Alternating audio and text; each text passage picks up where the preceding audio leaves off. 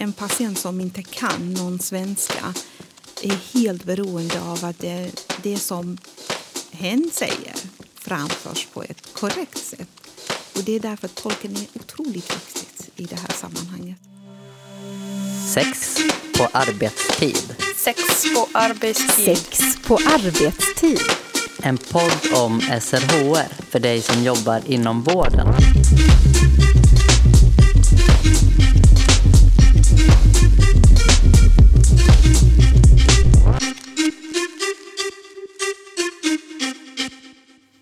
Många kan vårdbesök som berör den sexuella hälsan eller den sexuella identiteten vara känsliga. För en del är det svårt att ens prata med vårdpersonal om besvär relaterade till underlivet, lustproblematik eller annat kopplat till sexualitet. För den som dessutom är i behov av tolk kan det bli extra känsligt eftersom det är en ytterligare person i rummet som ska förstå och tolka det man säger. Det är därför oerhört viktigt att tolkar har kunskap kring SRHR för att tolkningen och besöket ska bli så bra som möjligt. Och för att både vårdgivare och patient vet att det som sägs, det tolkas korrekt. I det här programmet medverkar Roshna Wali som är auktoriserad sjukvårdstolk och SRHR-tolk och Malin Askhamre som är utvecklingsledare på Kunskapscentrum för sexuell hälsa och projektledare för utbildningen Tolkbart som utbildar just SRHR-tolkar. Vi som gör det här programmet idag är jag, Anna Skoglund, och min kollega Fatou Sonko. Men vi, framför allt är vi väldigt glada att du är här, Malin. Varmt välkommen! Tack så mycket. Om du skulle beskriva, vad är en SRHR-tolk för någonting? En SRHR-tolk är en tolk som har kunskap och tolkningsfärdigheter i SRHR-frågor och i SRHR-situationer som kan tolka på ett normmedvetet och antidiskriminerande sätt. Vad är det som ingår i Tolkbart-utbildningen? Ja, i, i Tolkbart så har vi tre olika komponenter. Det handlar om både kunskap, konkret kunskap om ord och begrepp i olika ämnen som är relaterade till SRHR, men också självreflektionsarbete och färdighetsträning. Eh, så de tre olika komponenterna arbetar vi med. Och olika teman som vi har. Anatomi, fysiologi kopplat till eh, lust och sex och reproduktion. Eh, det handlar också om säkrare sex, hiv, STI, våld i nära relationer, sexuella övergrepp och juridik och SRHR med mera och mera. Men stort fokus ligger på på normer eh, och hur normer formar våra språk och hur vi kan ta höjd för det.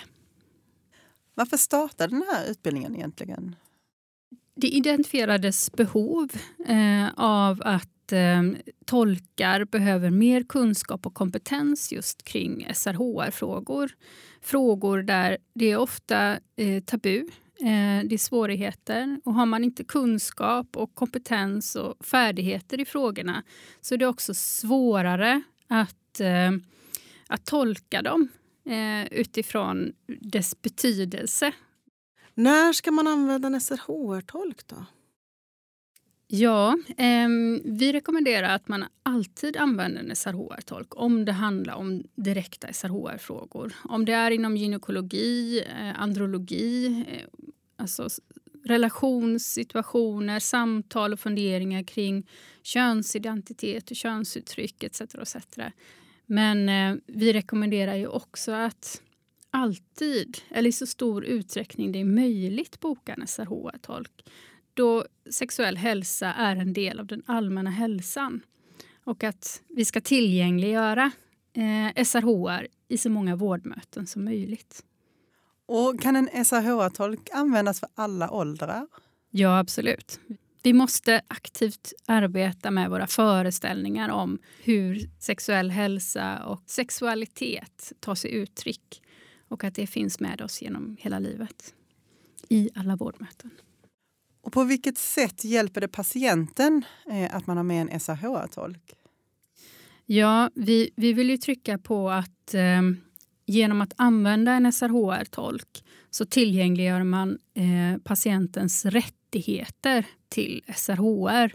en tolk som då har kunskap och färdigheter i att eh, kunna eh, tolka betydelsen med alla dess nyanser som är särskilt viktiga i, ja, men i eventuellt laddade situationer som sexuell hälsa eh, ibland kan ha. Kan du ge något exempel på eh, olika situationer som kan vara laddade eller känsliga eller ord som kan vara laddade? Det finns ju en mängd ord och begrepp som eh, är laddade. Och eh, Man kan väl enkelt uttrycka att språk aldrig är neutralt utan alltid är färgat, alltid är laddat. Och språk, när man förflyttar sig från en en normram eh, till en annan som man kan göra mellan två olika språk, två olika kulturella normramar. Då förändras också laddningarna där orden förflyttar sig emellan. Så eh, man kan väl enkelt säga att de flesta ord och begrepp har laddningar och att de förändras. Men hur? Det är där kompetensen som SRHR-tolk kommer in.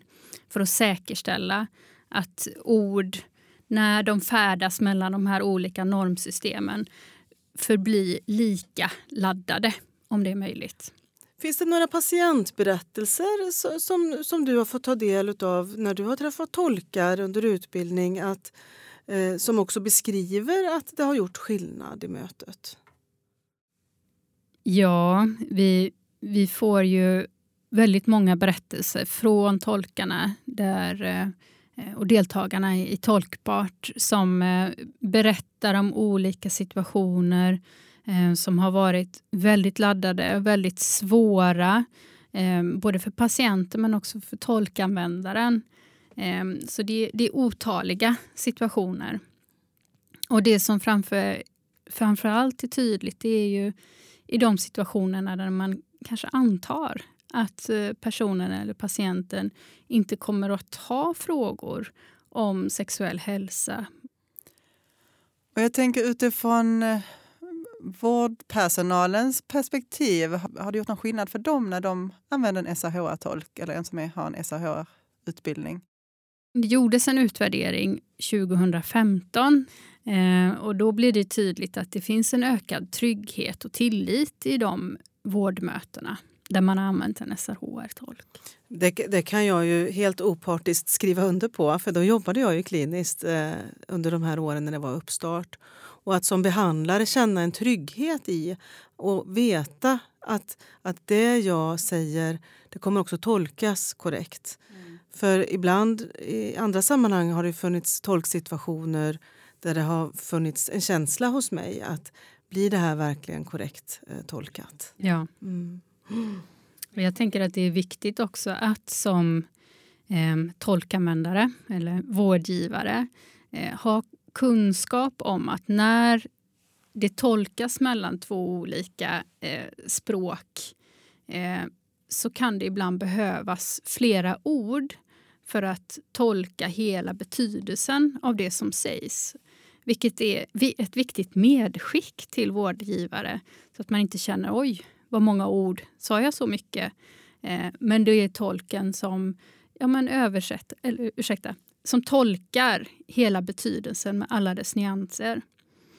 Eh, och det är många, många språk där sexualitet och sexuell hälsa är väldigt tabubelagt. Och det skapar också färre ord eh, Eh, att använda, att nyansera sitt språk med.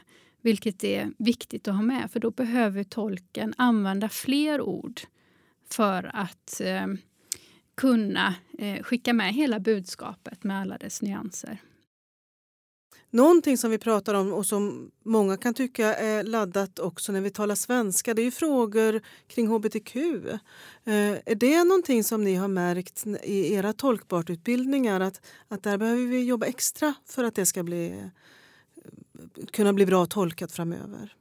Ja, absolut. Normbrytande sexualitet och normbrytande könsidentitet och uttryck. Eh, där ser vi ofta att språk är begränsade Ehm, och väldigt laddade. Så där är det särskilt viktigt att ha grundkunskap och förståelse kring begrepp inom hbtqi etc. för att kunna eh, tolka. Vi stöter ofta på exempel där, eh, där språk saknar ord och begrepp för sexualitet och kön. Där det kanske finns ett ord för könsidentitet och könsuttryck eh, där det inte finns nyanser emellan.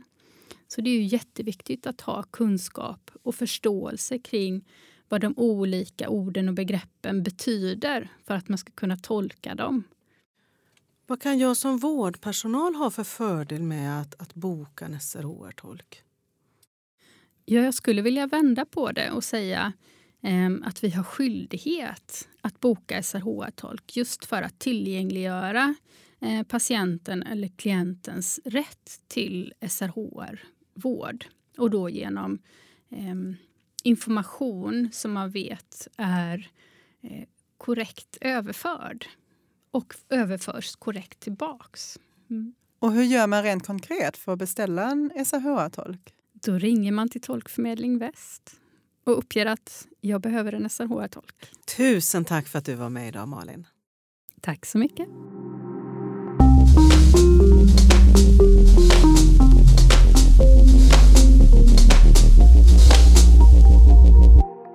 Välkommen hit Roshna. Tack så mycket. Du är ju auktoriserad sjukvårdstolk och SRHR-tolk. Hur är det att arbeta som, som det? Eh, jo, alltså det är spännande. är det. det är otroligt spännande och eh, lärorikt. Man lär sig något nytt varenda dag. Jag även om du tolkar hos samma mottagning två gånger i veckan så åker du hem med någonting nytt varje gång man är där.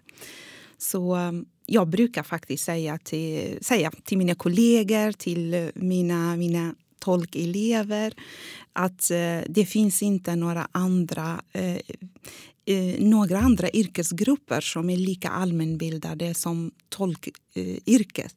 För att vi är i så många olika situationer. Det är så, så mycket hela tiden. Så man lär sig hela tiden, något nytt varje dag. Kan det, tänka mig det. Låter otroligt intressant. Oh ja, det är, jag älskar tolkjobbet faktiskt. Så det, det har jag gjort i drygt 20 år. Ja. tänker jag fortsätta så länge det, det finns möjlighet. Vad lyxigt att känna sig på sitt yrke. Jätteroligt. Absolut, ja. absolut. Och hur kommer det sig att du utbildar dig till SRH-tolk? Eh, jo, det började med att eh, Tolkförmedling Väst, som är eh, en kommunal tolkförmedling, de erbjöd tolkarna um, SRHR-utbildning. Och eh, det var nytt. Eh, jag var ju med i den första gruppen som gick den här utbildningen. och eh, jag tänkte att det här är ju intressant. Vad, vad betyder ens SRHR? Vad har det inneburit för dig som tolk? Efter att, om du minns tiden innan du blev SRHR-tolk och efter, har du märkt någon skillnad? Det har jag absolut gjort. Det är, det är väldigt mycket skillnad på att man är så himla eh, ouppmärksam, omedveten om sina egna omedvetna fördomar. Ehm, jag kommer ihåg att ehm, hon föreläsaren, eller de var ju några då, eh, de, det första de gjorde, de visade ju en bild på en, en, en skylt där vi alla har sett. Eh, och skylten bestod av... Eh, alltså det var ju eh, familjeparkeringsskylt. Hon visade ju det och frågade men vad är det. Och alla bara familjeparkering. Och då säger hon men skulle ni tänka så snabbt att det är familjeparkering om det skulle vara två män och en barnvagn? Eller om det var två kvinnor och en barnvagn. Och alla bara, mhm, okej, okay, nej. Alltså, trots att man vet att det finns olika familjekonstellationer, det vet vi. Och mm, man tycker inte det är några konstigheter nu för tiden. Ja, visst, samkönade kan bilda familj och kan ha barn och det är inga konstigheter, Man reagerar inte så. Men ändå, omedvetet har man den här fördomen. Man tar för givet att en familj är mamma, pappa, barn på något sätt. Så jag har blivit mer medveten om, om hur fort jag säger saker faktiskt. Framförallt vissa känsliga saker. Och skulle du säga att tolksituationen har ändrats på något vis sedan du blev SRHR-tolk? Det tycker jag absolut. Det har det gjort. För, eh, och, ehm, eh, det har ändrat sig på det viset att eh, man märker ju en viss skillnad eller en viss beteendeförändring hos tolkanvändarna. De har blivit mer och mer nu benägna att kräva att tolken ska vara SRHR-utbildad. Um, och det intressanta i detta är att det inte bara är inom sjukvården utan myndigheterna, till exempel Migrationsverket och uh, Migrationsdomstolen. Idag kan det stå en notis att man önskar en SRHR-utbildad tolk eller um, det är önskvärt eller till och med krav. Vissa, vissa vårdgivare har det som krav att ha en SRHR-utbildad tolk. Så det är den skillnaden som jag har märkt faktiskt sen jag har gått den här utbildningen.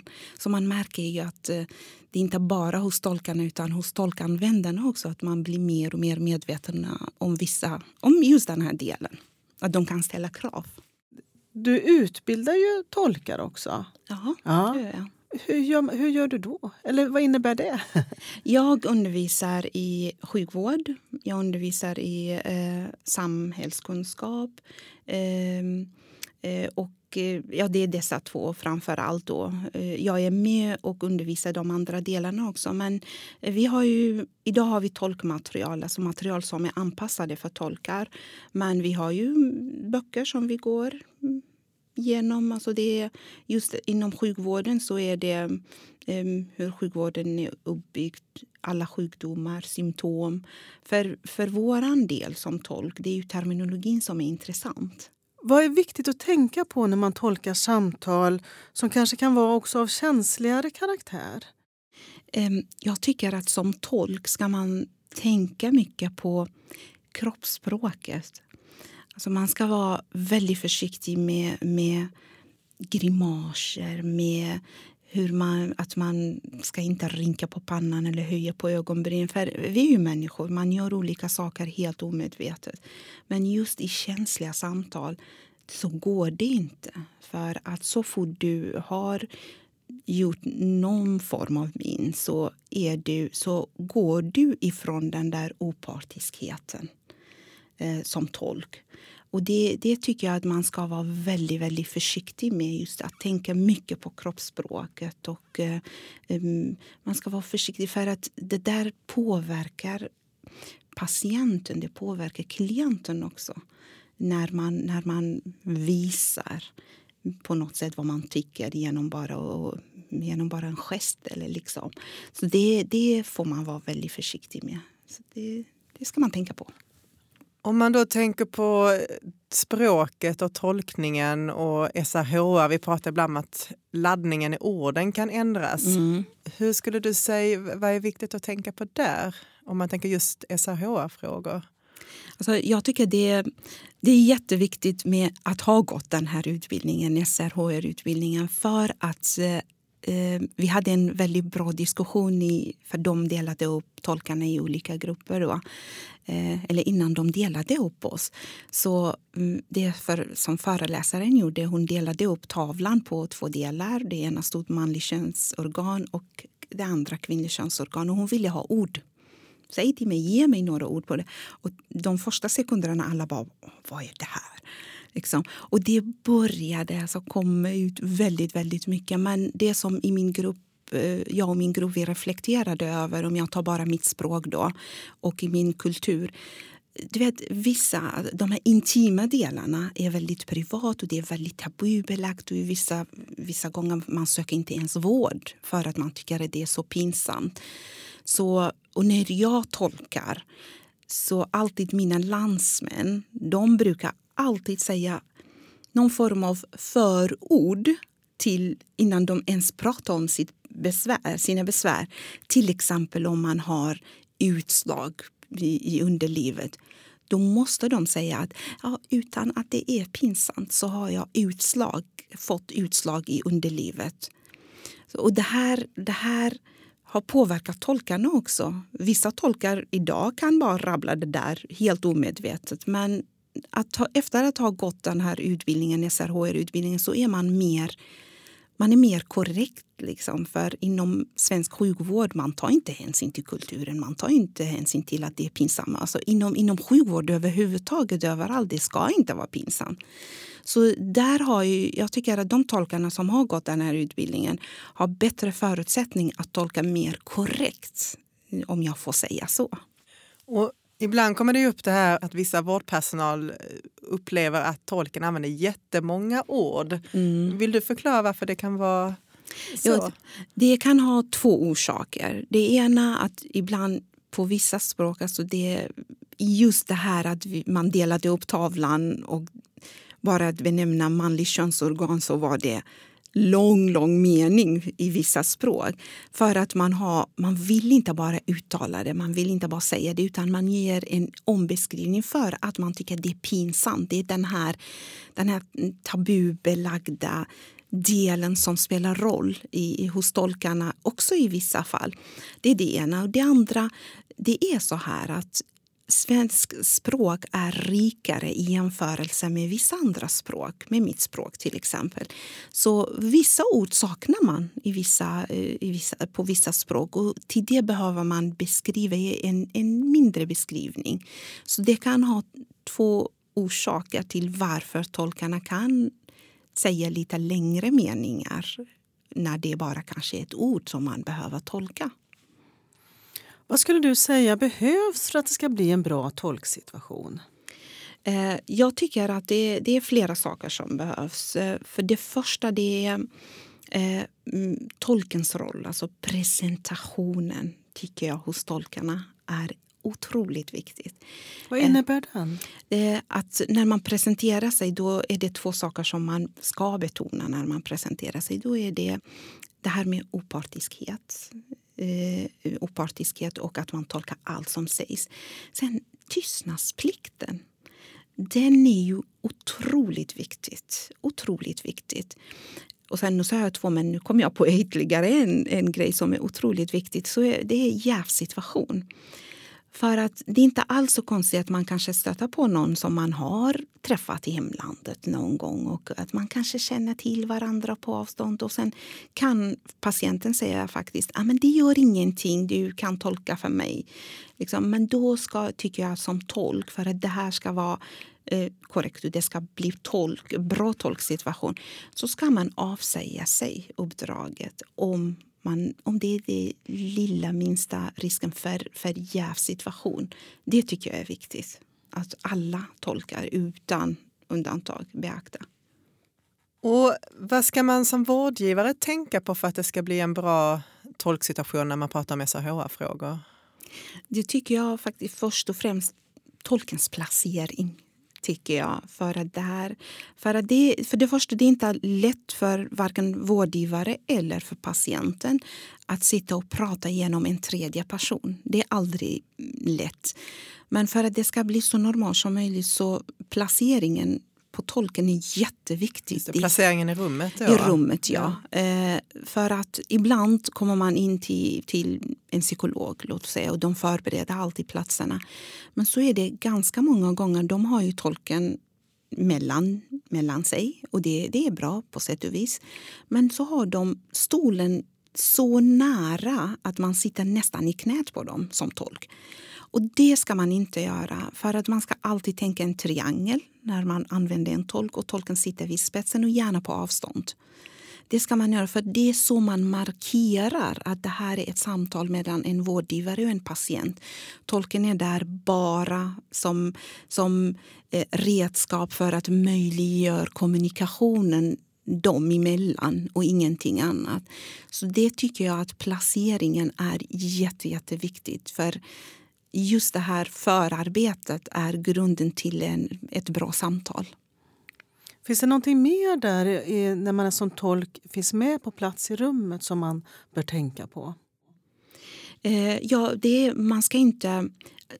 Som sagt, kroppsspråket. Att vifta för mycket. Nu pratar jag inte om, om gester och grimas och allt det här. Att vifta för mycket det ska man, för en tolk ska inte ta för mycket plats. En tolk ska vara helst osynlig. För att en synlig tolk tar väldigt mycket energi av samtalet.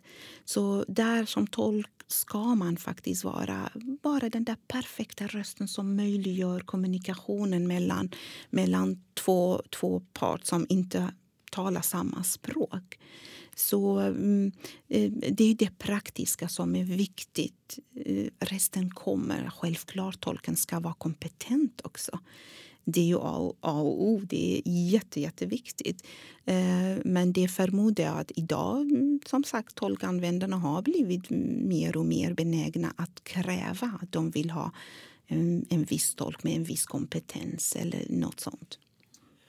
Och eh, nu har det varit eh, pandemin här under sista året. Jag tänker dels att eh, vårdpersonalen använder ju dels telefontolka men också att det kom en del digitala möten med patienter. Hur fungerar det att tolka kring SRHR-frågor då? Mm, alltså jag tycker att just SRHR-frågor är, det är känsliga frågor. Det är tillräckligt svårt nog att göra det fysiskt för, för mm, patienten om inte annat. Då. Men eh, det är väldigt, väldigt svårt när det gäller telefontolkning.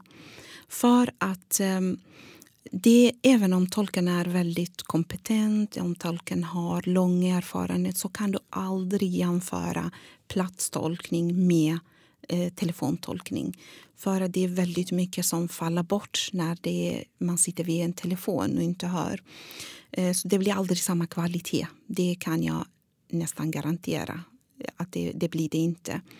Eh, och sen är det så här att vården har inte kunnat anpassa sig jättebra eh, det, nu gick det väldigt fort på grund av pandemin att allting gick över till det digitala och till telefontolkningar.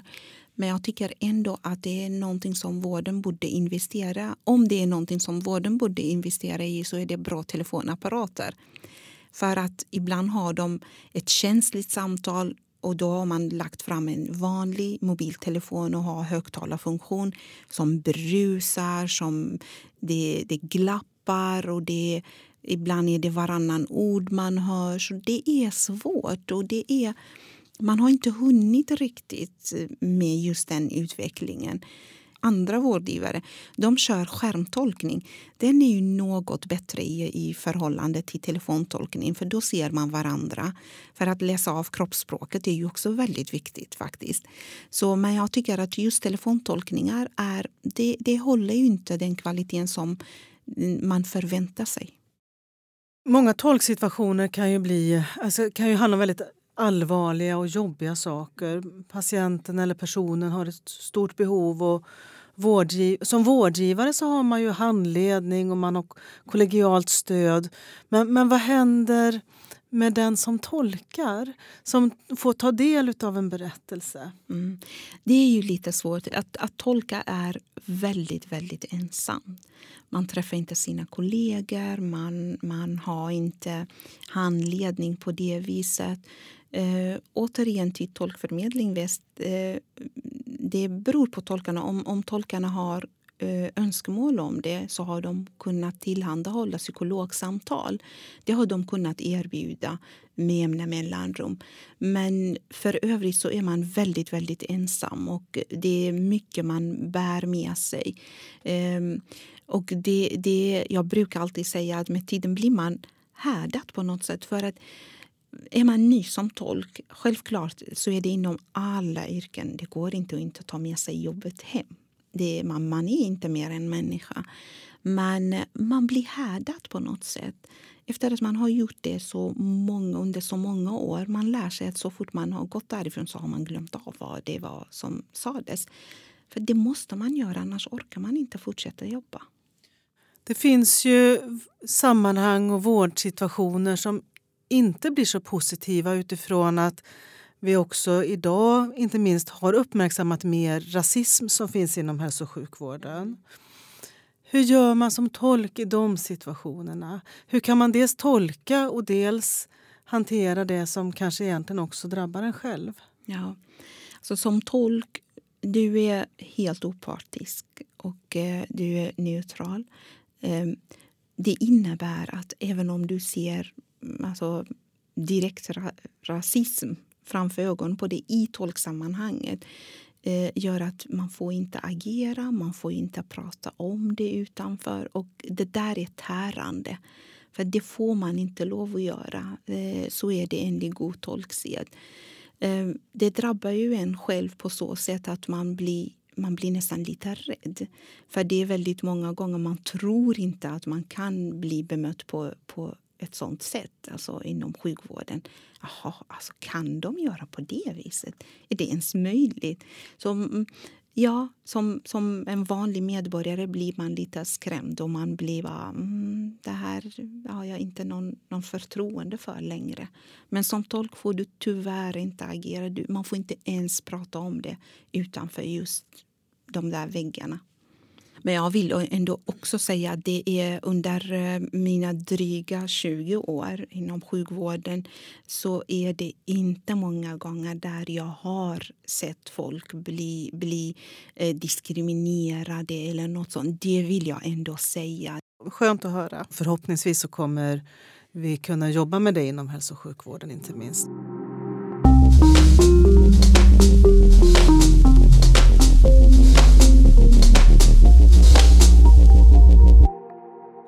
Skulle du vilja ge några exempel på situationer där du har tolkat SRHR-tolksituationer eh, där det har blivit väldigt bra? Där du känner att liksom din kunskap från just SRHR-utbildningen har hjälpt till?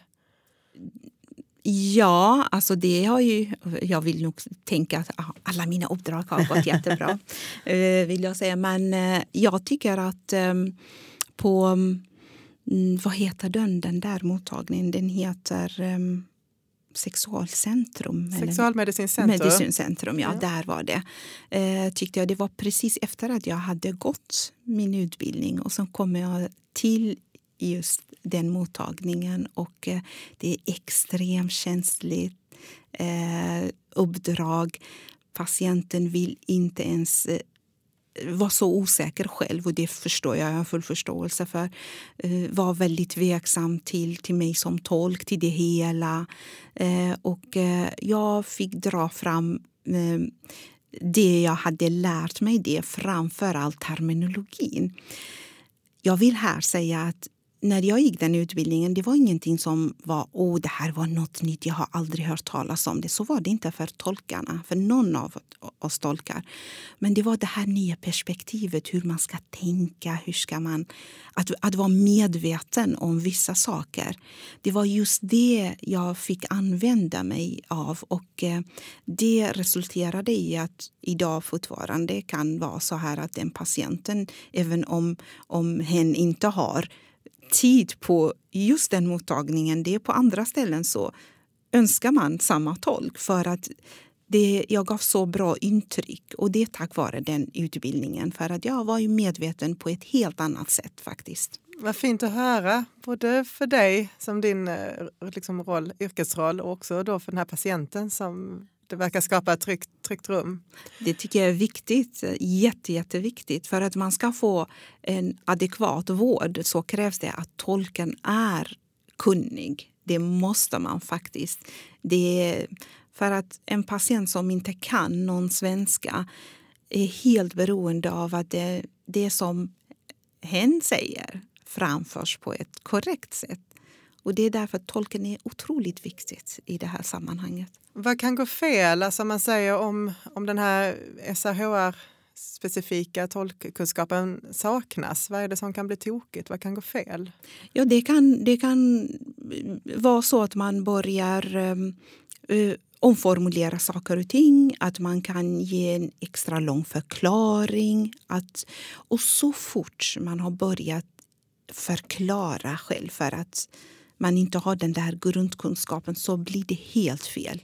För det innebörden blir helt annorlunda både för patient och för tolkanvändare. Och då kan det missförstånd, missförstånd kan uppstå faktiskt. Så det, det är väldigt mycket som, som kan gå fel faktiskt. Så det låter för, som för att det ska bli säkert för alla så, så är det viktigt med en utbildad tolk? Det är absolut viktigt och eh, det är just därför idag väldigt många vårdgivare faktiskt det står att krav SRHR-tolk.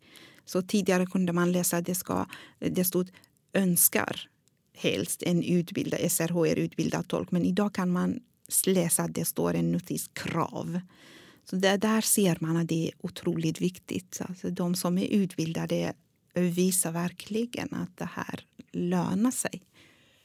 Jag tänker inom SAH, det är mycket som kan vara svårt att sätta ord på. Alltså pratar vi om någon person varit utsatt för sexuellt våld till exempel så kanske det används vaga ord. Man kanske inte använder liksom ett rakt Nej. språk. Eh, andra delar kan också vara men, att människor säger att jag har ont i magen men egentligen är det underlivet. Hur, mm. och, och, som tolk kanske du förstår att mm. eh, det är inte magen personen har ont i utan det är underlivet. Hur, hur gör man liksom för att den här tolkningen ska gå korrekt mellan vårdgivare och vårdtagare? Så när jag själv eh, misstänker att personen, för att på mitt språk, till exempel om man har ont i, i slidan, då ser man inte slidan. Man säger att jag har ont där nere. Och det, det är som sagt, det har man ju född och vuxen på det viset att man nämner inte vissa saker. Och när det de gör så här, när de säger, när patienten säger så här, då brukar jag aldrig tolka bara ah, nu förstår jag vad du menar. Jag ställer alltid en kontrollfråga. Menar du slidan? Det, det gör jag. Och ja, ja, det gör jag. Till exempel säger, eh, för där nere det är väldigt många delar. Det är inte bara slidan eller, eller eh, någon annanstans. Utan jag brukar alltid ställa en kontrollfråga. Och det, jag tror att det är det som gör att eh, de gångerna jag tolkar så efter några minuter så släpper det väldigt mycket hos patienten. Då pratar man ganska fritt. För att just det här när man, när man sitter där som tolk och är trygg och visar att man besitter den här kunskapen, det smittar av sig till patienten också. Så det är, återigen, det är jätteviktigt att, kunna, att vara kunnig när man tar sig an sådana uppdrag. Just det, skapa det här trygga rummet. Absolut, ja. Precis. Så vad skulle du säga till vårdgivare eh, som kanske inte har som rutin att boka en SRHR-tolk? Jag säger till dessa vårdgivare att eh, vill du ha en smidig, eh, ett smidigt samtal med kvalitet då ska du boka en SRHR-utbildad tolk. För att annars riskerar man att samtalet blir hackigt, att samtalet drar ut på tiden, att det blir långa förklaringar av, av ett enkelt ord.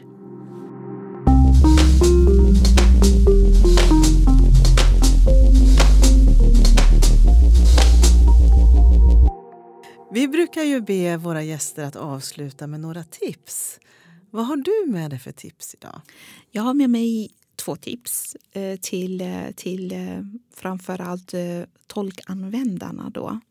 Det första är att de ska veta att språkfrågan det är alltid tolkens ansvar. Det är tolkens jobb att stå och tolka korrekt eh, överföra den informationen som man säger. Men sakfrågan däremot, det är alltid tolkanvändarens ansvar. Väldigt många gånger stöter vi på det här att, låt oss säga inom sjukvården då, då kan de säga att säg till patienten Alltså att de säger säg till. Nej, det är inte tolken som ska säga till patienten. Det är du, för det är ert samtal, inte tolkens samtal. Så det, det är det för, första. Och det, den andra är att de ska prata i korta meningar. För att när man alltid kommunicerar via en tredje person så är det bortfall kommer det att, att ske. Det, det kan vi inte bortse ifrån. Men för att minska att, eh, eh, att eh, meningsbärande ord faller bort då ska man alltid prata i korta meningar. För då, då är man helt säker på att i alla fall det som är absolut viktigast har kommit fram. För som tolk man kan faktiskt sitta där. Man kan jobba upp sitt minne. Det kan man. man kan, ni kan säga fyra, fem meningar och tolken kommer ihåg det. Men inte allt såklart. Så korta meningar och eh, det här med sakfrågan och språkfrågan, det är två helt olika saker. Tack så hemskt mycket för att du kom hit idag, Dorsta. Tack så jättemycket för att jag fick komma hit. Tack ska du ha. Tack, tack.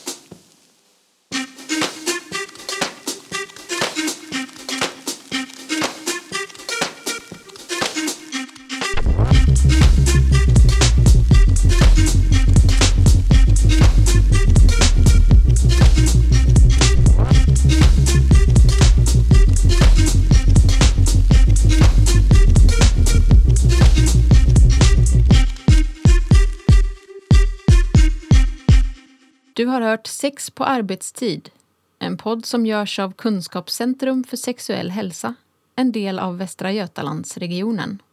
Producent var Elin Klingvall.